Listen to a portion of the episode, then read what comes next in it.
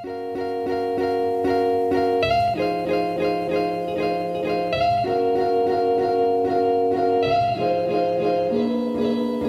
kuulate investeerimisklubi podcasti, kõik on hästi, pea püsti, sõidad, kuulad seda bitti silmistu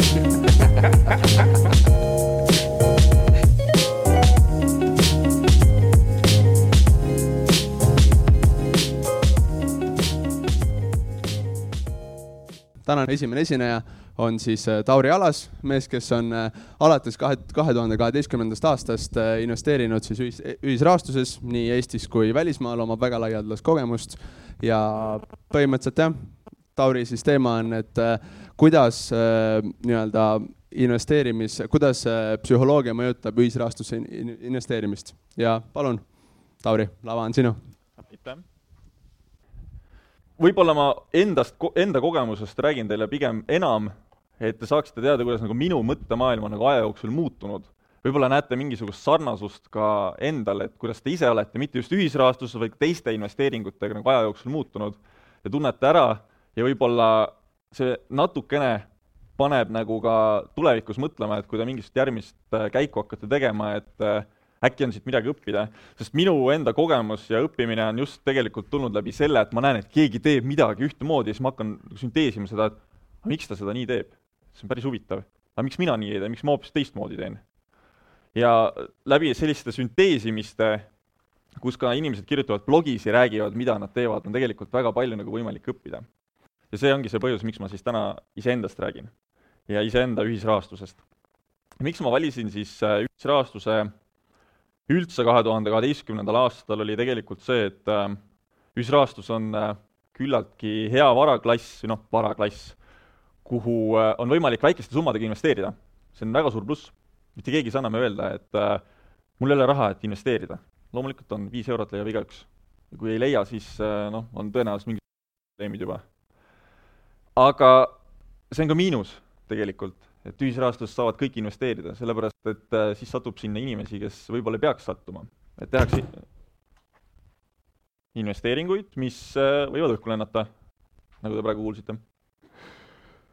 Äh, ja, ja kui me nüüd nagu kokku paneme selle asja, et ühelt poolt meil on hästi palju blogis ja hästi palju tegevust, näiteks investeerimisklubi, mis ta siin teeb, harib üleüldiselt, minu meelest see on nagu see hea pool asjast, et äh, meil on nagu see võimalus äh, vaikselt proovida asja, sest et äh, tihtipeale on ikkagi niimoodi, et kui me hakkame vaikselt pihta, siis ühel hetkel, kui meil on see kindlus olemas, meil on nagu ka palju lihtsam ja palju mõistlikum minna sisse suuremalt investeeringutesse.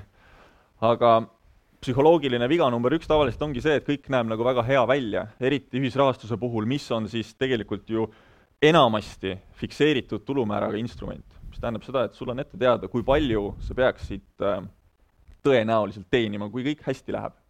aktsiate puhul on asi selles mõttes natukene keerulisem, et äh, kui ma täna küsiksin teilt, palju on äh, Olümpiku aktsia aasta pärast, siis mis oleks teie vastused? Et täna ta vist kaupleb seal ühe koma seitsme kandis äkki, kui keegi saab Tallinna börsi kodulehe lahti võtta, siis saate kontrollida. aga äkki mõni vastus tuleb kuskilt? mis te pakuksite? noh, Marko üks koma seitsekümmend kaheksa, väga hea pakkumine. kuidas? kuidas? tänane hind, ahah. Äh, palju siis aasta pärast on? julgelt, julgelt, mina kardan teid samamoodi nagu teie mind. miks ma koma seitsekümmend kaheksa, sest et äh, mul on olnud olümpikasiino umbes äh, neli aastat ja ta on kogu aeg olnud natukene alla mu ostuhinda, kogu aeg on miinus natukene. ma eeldan, et ta jääb sinna ühesõnaga, siin on probleem see, et äh, Marko ei saa kunagi nagu plussi olümpikuga. okei okay., kas keegi veel pakub midagi? nii, sealt tõusis käsi. noormees hallis. jah, sina? aa, okei. okei, et mis see olümpika on? Hästi Äh, noh, üks pakkumine tuli, kui me siin teeksime mingisuguse sellise valimi, et paluksime kõigil teil paberi peale kirjutada, et mis see tulemus olla võiks, siis ma arvan, et see varieerukski selle ühe koma kuue, ühe koma üheksa vahel, on ju. aga ta ei ole nagu see üks number. Äh, fikseeritud tulumääraga instrumendi puhul siiski on see, et kui kõik läheb nagu hästi, inimene maksab, siis meil on mingi teatud eeldus olemas, aga me ei saa olümpiku puhul eeldada, et see nüüd on aasta pärast üks koma üheksa. me võime analüüsi küll teha, aga seal on seda määramatust nagu sees. ja selles mõttes on ta äh, ühisvarastus nagu hea varaklass just algajale, et tal on mingisugune see määramatus ära võetud, et ta juba teab, mida oodata ja kuidas nagu edasi minna, et aktsiate puhul äh, võib vabalt juhtuda see, et ostad ühe koma seitsmekümne kaheksaga olümpikut, ta kukub ühe koma seitsmekümne viie peale ja siis sa vaatad, et sul on kolm eurot on äh, vastu taevast lennanud ja siis sa kipud müüma juba, sest sa oled kolmest eurost ilma jäänud. et noh, selliseid äh, vigu võib nagu juhtuda ja kindlasti, kindlasti juhtub. siis äh, ühisrahastus täna on muidugi palju parem, kui ta oli siis, kui mina alustasin, kui, kui ainult Bondora ja Oma Raha eh, toimetasid, et ähm, kes käis äh, meie esinemisel, kus me Kristiga rääkisime Tallinnas kui Tartus see aasta, paar inimest käisid, ülejäänud siis ei tea, kuidas minu psühholoogia vedas alt mind oma raha investeeringute tegemisel aastal kaks tuhat kaksteist, kus ma arvasin esimese hooga seda, et mina läksin küllaltki arglikult peale. ma ei jooksnud ühisrahastusse kui et see on nüüd potentsiaalne koht, kus ma hakkan metsikult teenima, et ma mõtlesingi, et oota, ma annan kellelegi raha ja aga mis siis, kui ta minema jookseb mu rahaga? mul oli see kartus. ja siis ma oma rahasse kandsin niisugune kümme eurot peale aastal kaks tuhat kaksteist ja läksin, lugesin siis äh, oma raha foorumit. seal ikka tavaliselt niisuguseid äh, huvitavaid äh, asju juhtub, kirjutatakse, mis nagu noh, ratsionaalsel inimesel tekitavad nagu küsimusi, et miks nüüd niisugune asi on siin juhtunud või miks niisugune asi kirjas on ja loomulikult mina siis sattusin ka mingisuguse asja otsa, mis äh, ehmatas mind natukene ja sama päev ma siis kandsin välja oma kümme eurot. paraku kehva koht oli see, et äh, oma raha võttis viiskümmend senti teenustasu väljakandmise eest, et äh, minu nii investeering on seal miinuses jätkuvalt, et ma ei ole nagu sinna tagasi läinud. aga see on ka võib-olla üks hea näide, kuidas inimesed suudavad üle mõelda, kui neil tegelikult plaani ei ole. Ja ma olen neid vigu nagu ise teinud päris, päris palju ja päris, päris üllatavaid. nii, aga kuidas teil on, mis, mis, mis te ise tunnete, et mis on võib-olla see üks äh, üks viga, mida te olete alguses läbi teinud, mis äh, noh, mida te täna enam ei teeks, et äh, võtame siit jälle kellegi, Markol on mikrofon, Marko valib, sina oled äh, see eestvedaja, sa tead oma inimesi. nii, nii, saan anda mikrofoni? julgelt, julgelt elus löövad läbi need, kes ei karda. küsimus oli siis selles, et mis on see üks viga, mis on tehtud alguses? just. kes investeerib ühisrahastusse ja kes tunneb, et ta on mingi vea teinud. ärge kartke. kes, kes on ühe vea teinud alguses üldse? Nonii, Argo, väga hea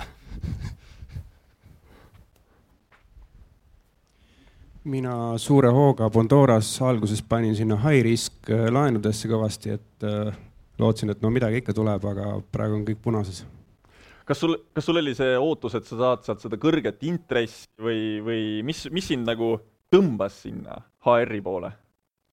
et mingi hetk muud laenud ei läinud üldse välja ja high risk tundus sihuke nii-öelda atraktiivne, et äh, hea võimalus. no ma arvasin, et no midagi ikka sealt tuleb, et, et kui ma panen kaheksakümne protsendise intressiga, noh siis kolmkümmend ikka tuleb äkki mm. -hmm väga hea.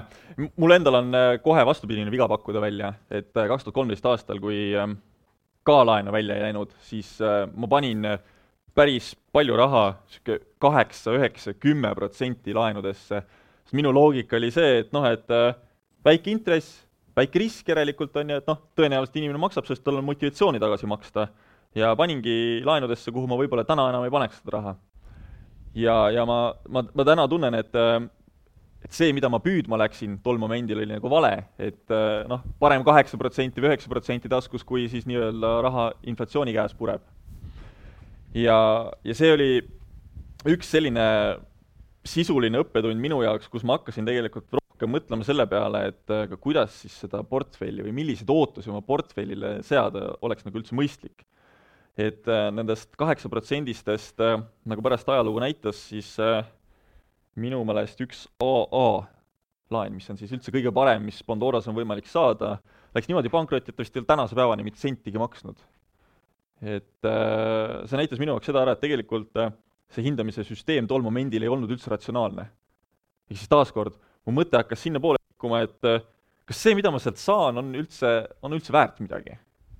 Et kas see, kas A on, on nagu parem kui see D näiteks ja Pandoras muidugi tol momendil, aastal kaks tuhat kolmteist, oli see süsteem selles mõttes veel eriti huvitav, et äh, kui sa tahad edukas olla, siis sa pidid äh, olema natukene ka mängur, mis tähendas seda, et paljud seadsid oma portfelli haldureid a la kolme protsendi peale, sellepärast et Pandora süsteem lubas garanteeritult sulle kakskümmend kaheksa protsenti intressiga laene, kui sa saad sisse vaid laenu. ja siis käis niisugune mängurlus. Selline nagu niisugune järjekordne vihje, et tegelikult lihtsalt ratsionaalsusega ei ole midagi tegemist, et siin on pigem see, et kes suudab targem olla, kes suudab nagu üle mängida teist. ja ega siis laenumahtu ka nüüd nagu nii palju ei olnud, et täna on küll laenumaht äh, kasvanud, aga samas on ka muidugi investoreid juurde tulnud, aga siiski sul on võimalik äh, juba täpsemalt hinnastatud laene saada, ma ei ütle, et nad on nagu väga hästi hinnastatud, ma ei anna sellele hinnangut, aga nad on täpsemad, sellepärast et äh, Pandora juba intressiga annab sulle märku, et kaks koma kohta kohati on see intress, mida nad siis arvestavad. siis äh, minu mure kaks tuhat kaksteist, kaks tuhat kolmteist aastal oli ka see, et äh, mitte keegi sisuliselt ei rääkinud ühisrahastusest see on niisugune must auk, kus sa käisidki oma raha ja Pandora Foorumis, noh, kõik oli must, räägiti, et kõik on must. noh, need inimesed äh, rääkisid ka kolm aastat hiljem, et kõik on must, on ju, et selles mõttes see minule nagu andis indikatsiooni, et see võib-olla oli inimkäitumisega seotud, et kõik on nagu must, et tegelikult ma ikkagi peaksin oma analüüsi ise tegema ja teisi mitte nii väga usaldama. ja, ja tol momendil siis kaks tuhat kolmteist aprillis ma otsustasin, et okei okay,, et aga ma hakkan siis enda kogemust jagama ja hakkasin kirjutama nagu minu meelest isegi küllaltki avalikult oma summadest, mis mul seal väiksed summad ringi liikusid, lihtsalt et inimesed saaksid äh, ka aimu, mis asi see ühisrahastus on. hea asi oli see, et väga palju teisi blogis hakkas tulema peale seda välja. Et noh, Jaak Roosaar ja Taavi Pertmann olid muidugi enne mind, äh, Kristi tuli kohe järgi ja siis, siis oli mingi buum käis, kas see oli äkki kaks tuhat neliteist, kaks tuhat viisteist üle, kus meil oli kümme pluss blogi, kes kõik kirjutasid ühisrahastusest, see oli nagu väga äge vaadata, kuidas inimesed jagavad oma mõtteid ja sa saad aru, kuidas teine inimene mõtleb ja see taaskord, see on selle sünteesimise koht. ja Eesti puhul oli selles mõttes muidugi kehva, et, et meil ei olnud seda kogemust väga palju, et USA-s näiteks Pete Renton, kes siis Lend Academy't teeb, temal oli Prosperi ja, ja Lending Clubi juurdepääs olemas ju ajaloole aastasse kaks tuhat kuus, kaks tuhat seitse, kui mõlemad portaalid vastavalt alustasid. meil siis Pandora tuli kaks tuhat üheksa esimesed niisugune paar aastat ei toimunud seal suurt mitte midagi, ehk siis meil oli nagu raske analüüsida kogu seda infot, mis seal oli, ja, ja keegi ka nagu väga ei kirjutanud. Et suures pildis äh, selles mõttes oli ta nagu raske aeg, aga täna on nagu näha, et asi nagu elavnes vahepeal, et mingis mõttes äh, on nagu, on nagu äge, et kindlasti teie suhtlete omavahel, eks ju, väga palju oma investeeringutest, kas teil on mingisugused nii-öelda mentorgrupid või kuidas see on see mm, Mastermindid, just, kas te, kas te käite koos omavahel ka suhtlemas või? mõni, mõni pea noogutab. see on, see on väga, väga et teil need olemas on, sellepärast et needsamad mastermind grupid tegelikult äh, mõnes mõttes äh, lähevad sellest blogiteemandusest üle veel täpsemaks ja taaskord sa saad sünteesida teiste inimeste mõtteid ja see on jätkuvalt ääretult väärtuslik. siis äh, üks asi, mis juhtus kaks tuhat kolmteist aastal, mis oli mõnes mõttes üllatav, mina nagu seda väga ette ei näinud, on see, et äh, plahvatuslik ühisrahastusportaalide areng hakkas pihta. Et kaks tuhat kolmteist tulid välja Eestis kas mingisugune kolm-neli portaali veel kahele lisaks, et kui Pandora tuli kaks tuhat üheksa, Oma Raha kaks tuhat üksteist ja siis järsku kaks tuhat kolmteist olid meil minu meelest, või kaks tuhat kolmteist, kaks tuhat neliteist olid Fundwise, Crowdestate, Estate Guru, Moneyzen äh,, äh, Investi vist tuli hiljem, nemad vist Belk Investi sealhulgas. ühesõnaga, kahest sai järsku palju suurem kogus portaale. Ja siis loomulikult äh, hakkas Läti ime toimuma. Läti ime on siis see, et äh, tagasiostugarantiiga hakati pakkuma huvitavaid laene, see oli siis kaks tuhat viisteist, kaks tuhat kuusteist aastal, ja see portaalide hulk nagu Baltikumis ainuüksi on viisteist pluss. kui me loeme nüüd äh, kõik Eesti ja Läti portaalid kokku, pluss lisame mööndustega ka Leedu omad, sellepärast et Leedu seadusandlus on väga põnev seal noh, leedukad on võtnud kohe sellise seisukoha, et, et kui sa tahad oma raha investeerida, siis me ei lase sul seda teha, sellepärast et äkki sa oled äh, ebakompetentne. aga kui sa tahad, sa võid minna poodi, osta endale alusetäie kaheliitrist äh, seda padrunõlut vabalt, joo ennast surnuks, kui tahad. loteriit võid ka osta. et see tasakaal on tegelikult leedukate kahjuks natukene mänginud ja leedukad ei ole väga suureks kasvanud. aga vastupidiselt, Läti on seda potentsiaali tegelikult näinud ja nemad on Eestiga võrreldes täna kord suuremad aga investori perspektiivist psühholoogiline vaatenurk ütleb seda, et vot mingi uus asi tuleb üles, tahaks ka kohe proovida. eks ju? et kui näete ka mingisugust äh, põnevat asja, mis teile meeldib, kõiki asju tahaks proovida, aga, aga paraku majandusteoreetiliselt me oleme piiratud ressurssidega toimetamas, mis tähendab seda, et meil on täpselt nii palju raha. meil ei ole rohkem, me ei saa seda kuskilt äh, ootamatult rohkem juurde lühikeses perspektiivis, tõenäoliselt. no jätame siia igasugused muud asjad kõrvale, et sa, sul on, ma ei tea, rikas, rikkad vanemad, kelle käest lähed laenad sada tuhat juurde kuskilt. Et tõenäoliselt meil kõigil nagu niisugust võimalust ei ole. aga see viisteist pluss portaali ühel hetkel tekitab selle küsimuse, et aga kuhu ma siis äh, investeerin, ma pean hakkama tegelikult äh, mingisugust äh, targemat portfellihaldust ka tegema, et ma ei saa kõikidesse panna, sest on täiesti mõttetu panna kõikidesse portaalidesse sada eurot ja lihtsalt testida ära, sellepärast et saja euroga sa ei saa vajalikku hajutatust, mis ühisrahastus on ääretult oluline. ja kui sa ka iseenesest need sada eurot sinna sisse igasse portaali kannad, siis kõikidel ei ole järelturgu, mis tähendab seda, et sinu investeering istub seal kinni, esiteks, ja teiseks äh, tekib cash drag. ehk siis raha jääb seisma, kui sul portaalis raha seisab, siis see vähendab sinu tootlust kohe automaatselt. mis tähendabki seda, et äh, võimalikult hea oleks, kui sa suudad portfelli üles ehitada niimoodi, et raha käib seal hästi kiiresti ringi. sest siis sul on võimalik uudes, uutesse investeeringutesse minna ja sul ei teki seda momenti, kus sul raha lihtsalt niisama konto peal seisab Ehm, siis mis mina enda jaoks äh, sealt juba paika panin, on mõnes mõttes läheb, ma, ma ei ole küll portfelli teooriat väga tugevalt äh, õppinud, aga portfelli teooria üks loogika on siis see, et äh, sul on nagu kahtepidi võimalik asjale läheneda. kas sa võtad mingisuguse riskitaseme ja proovid seal saada maksimaalse tootluse või sul on mingisugune maksimaalne tootlus ette nähtud, mis sa teenid, ja proovid minimeerida seda riski sealjuures.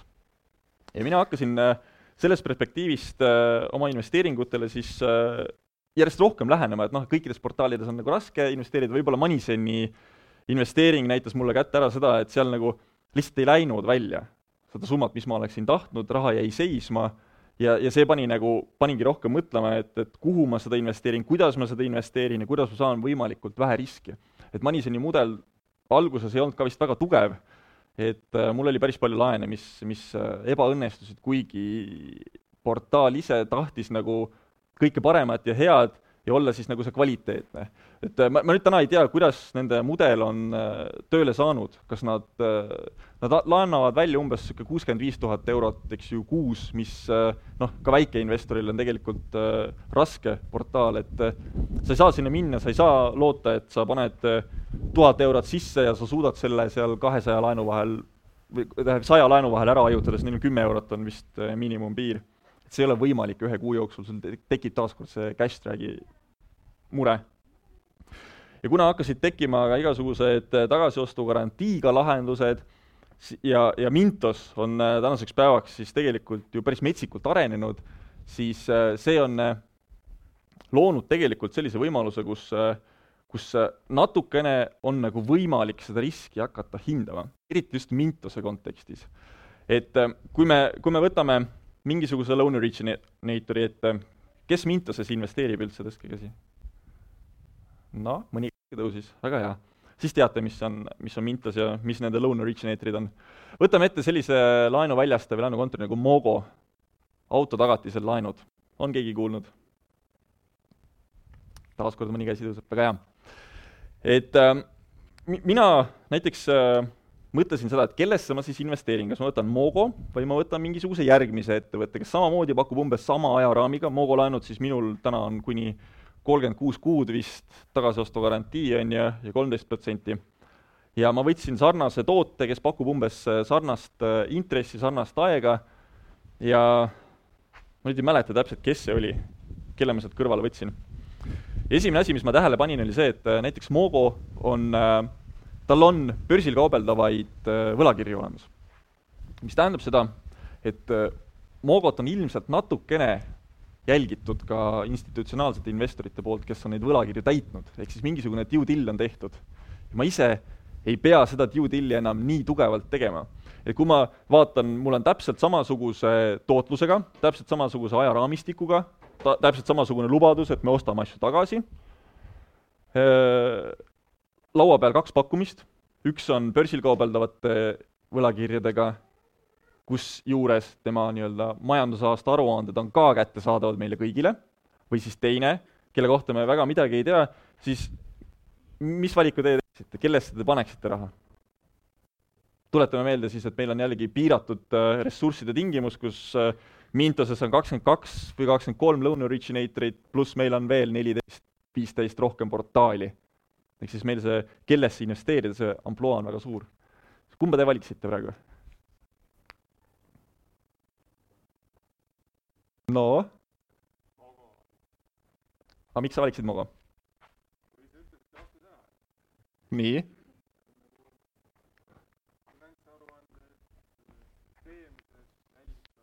just, just. me saame riski natuke rohkem määratleda ja see ongi nagu oluline, et kui me hakkame kuskil investeerima, et kas meil on seda riski, noh, kui me ühisrahastuses investeerime, siis olgem ausad, meil on äh, puhtalt usaldus portaali vastu, kas see mudel, mida tema rakendab, kas see on adekvaatne, muud moodi me tegelikult, äh, meil ei ole võimalik äh, riske hinnata.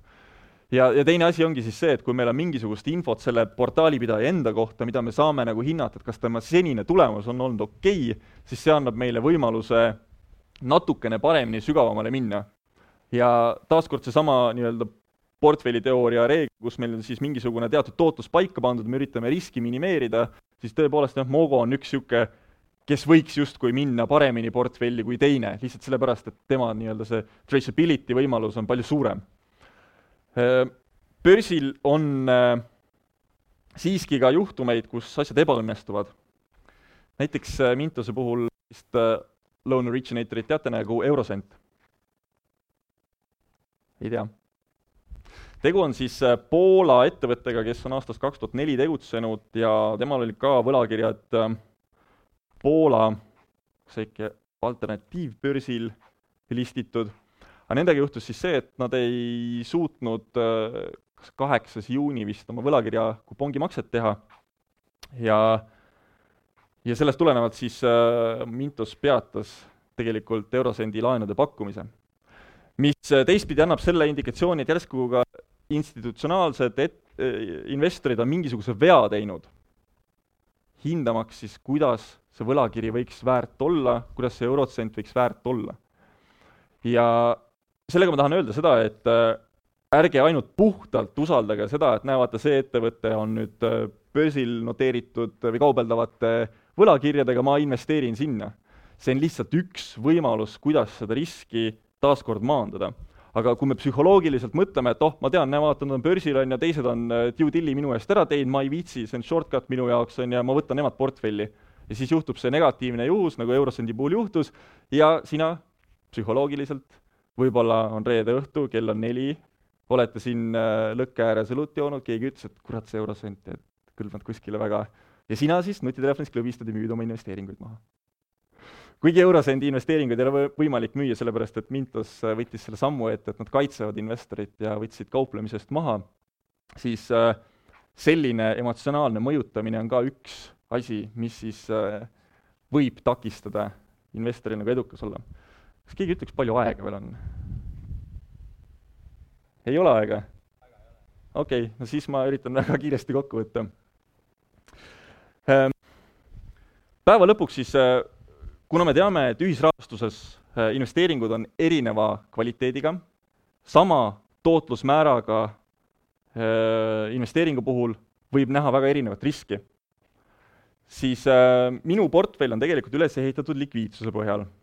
Ja just selle eesmärgiga, et kui ma tunnen, et mingisugune näitaja, mida on võimalik hinnata, näiteks crowd estate investeeringute puhul on infot natuke rohkem meile kätte anda, me saame ise seda nii-öelda turu-uuringut natuke rohkem teha, ennem kui asi töösse läheb, äh, siis äh, ma olengi lihtsalt puhtalt üles ehitanud oma portfelli niimoodi, et kui midagi väga head tuleb üles niimoodi, et ma saan seda riski natuke rohkem hinnata, siis ma panen sinna, ma eeldan, et äh, risk on madalam, tootlus on kõrgem, eks ju aga samas, et ei tekiks seda cash drag'i, siis ma olen äh, järgmised osad portfellist äh, likviidsuse järgi järjestanud siis niimoodi, et mingi osa portfellist on väga kiiretes laenudes.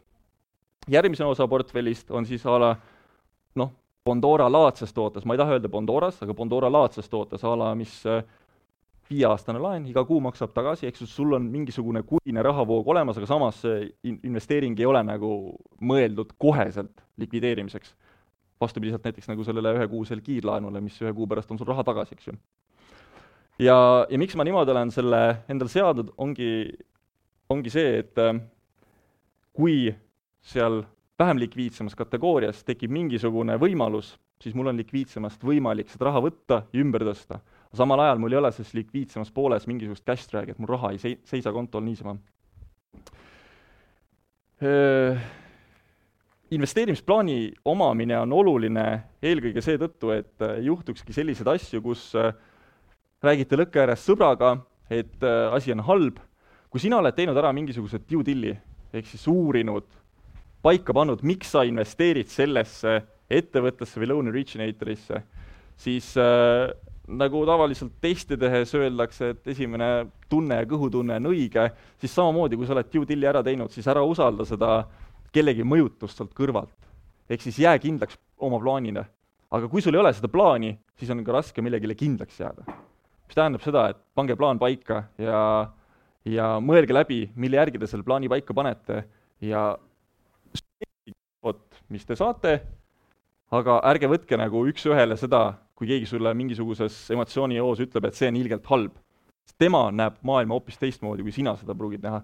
sellepärast, et teie seal näete päikest hoopis teistmoodi kui seal nurgas inimesed.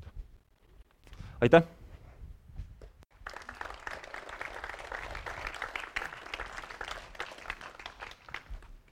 nii, aitäh sulle, Tauri, väga põneva esitluse eest. kas kellelgi on Taurile, kiirelt saame ühe küsimuse ka võtta, kas kellelgi on mingit soovi, küsimust? okei okay., on olemas üks asi on mitte lasta emotsioonidel ennast mõjutada ja jääda oma strateegiale nagu truuks, aga kuidas nagu teha vahet sellele, et kui sa oled ikka täiega ämbrisse pannud, et siis sa ei hoia sellest äh, negatiivsest otsusest kinni, et sa mingi hetk väljud? Ehm, no siinkohal taaskord, kui sa ühisrahastusse investeerid, on ju, siis kui sa pead meeles seda, et sa hajutad, hajutad, hajutad, siis su see pang või ämber tõenäoliselt ei ole väga suur. ja loomulikult, kui sa teed vea eh, ja sa näed, pragmaatiliselt, et see on nagu mõistlik, mitte see, et keegi sulle lõkke ääres ütleb, et asi on halvasti, vaid kui sa ise tunned, et su analüüs on kuskilt äh, alt vedanud, siis loomulikult äh, minimeeri oma igasuguseid kaotuseid äh, võimalikult noh, kui, kui näed, et investeering ei tule hästi välja proovidest, siis kas või lahti saada, mitte niimoodi, et sa lähed, paned lihtsalt tuimalt turgu, vaid mõistlikult aja jooksul, et ka väljumistel on see, et ära lase nagu noh, emotsioonil endast üle saada, mitte nii, et nagu on juhtunud Bondoras, kus äh, saksakeelsetes foorumites vahest võib lugeda, et oh, et ma sain miinus üheksakümne viie protsendiga jumala häid laene. lihtsalt kellelgi flipis ära mingi reede õhtul vastu laupäeva ja pani lihtsalt müüki või tegi kuskil vea. kas veel küsimusi? Nii, aga äkki siis äh, liigume siit edasi, et tegelikult jah, aitäh vastuste ja ettekande eest. et liigume siit edasi siis äh, paneeli juurde, kus me arutleme selle üle, et kuidas luua väärtust äh, finantsteemaliste raadiosaadetega. et palun, Tauri, ära väga kaugele mine, ootame sind tagasi jälle. ja, ja siis samuti ka Rivo Äripäevast ja Taavi siis Rahafoorumist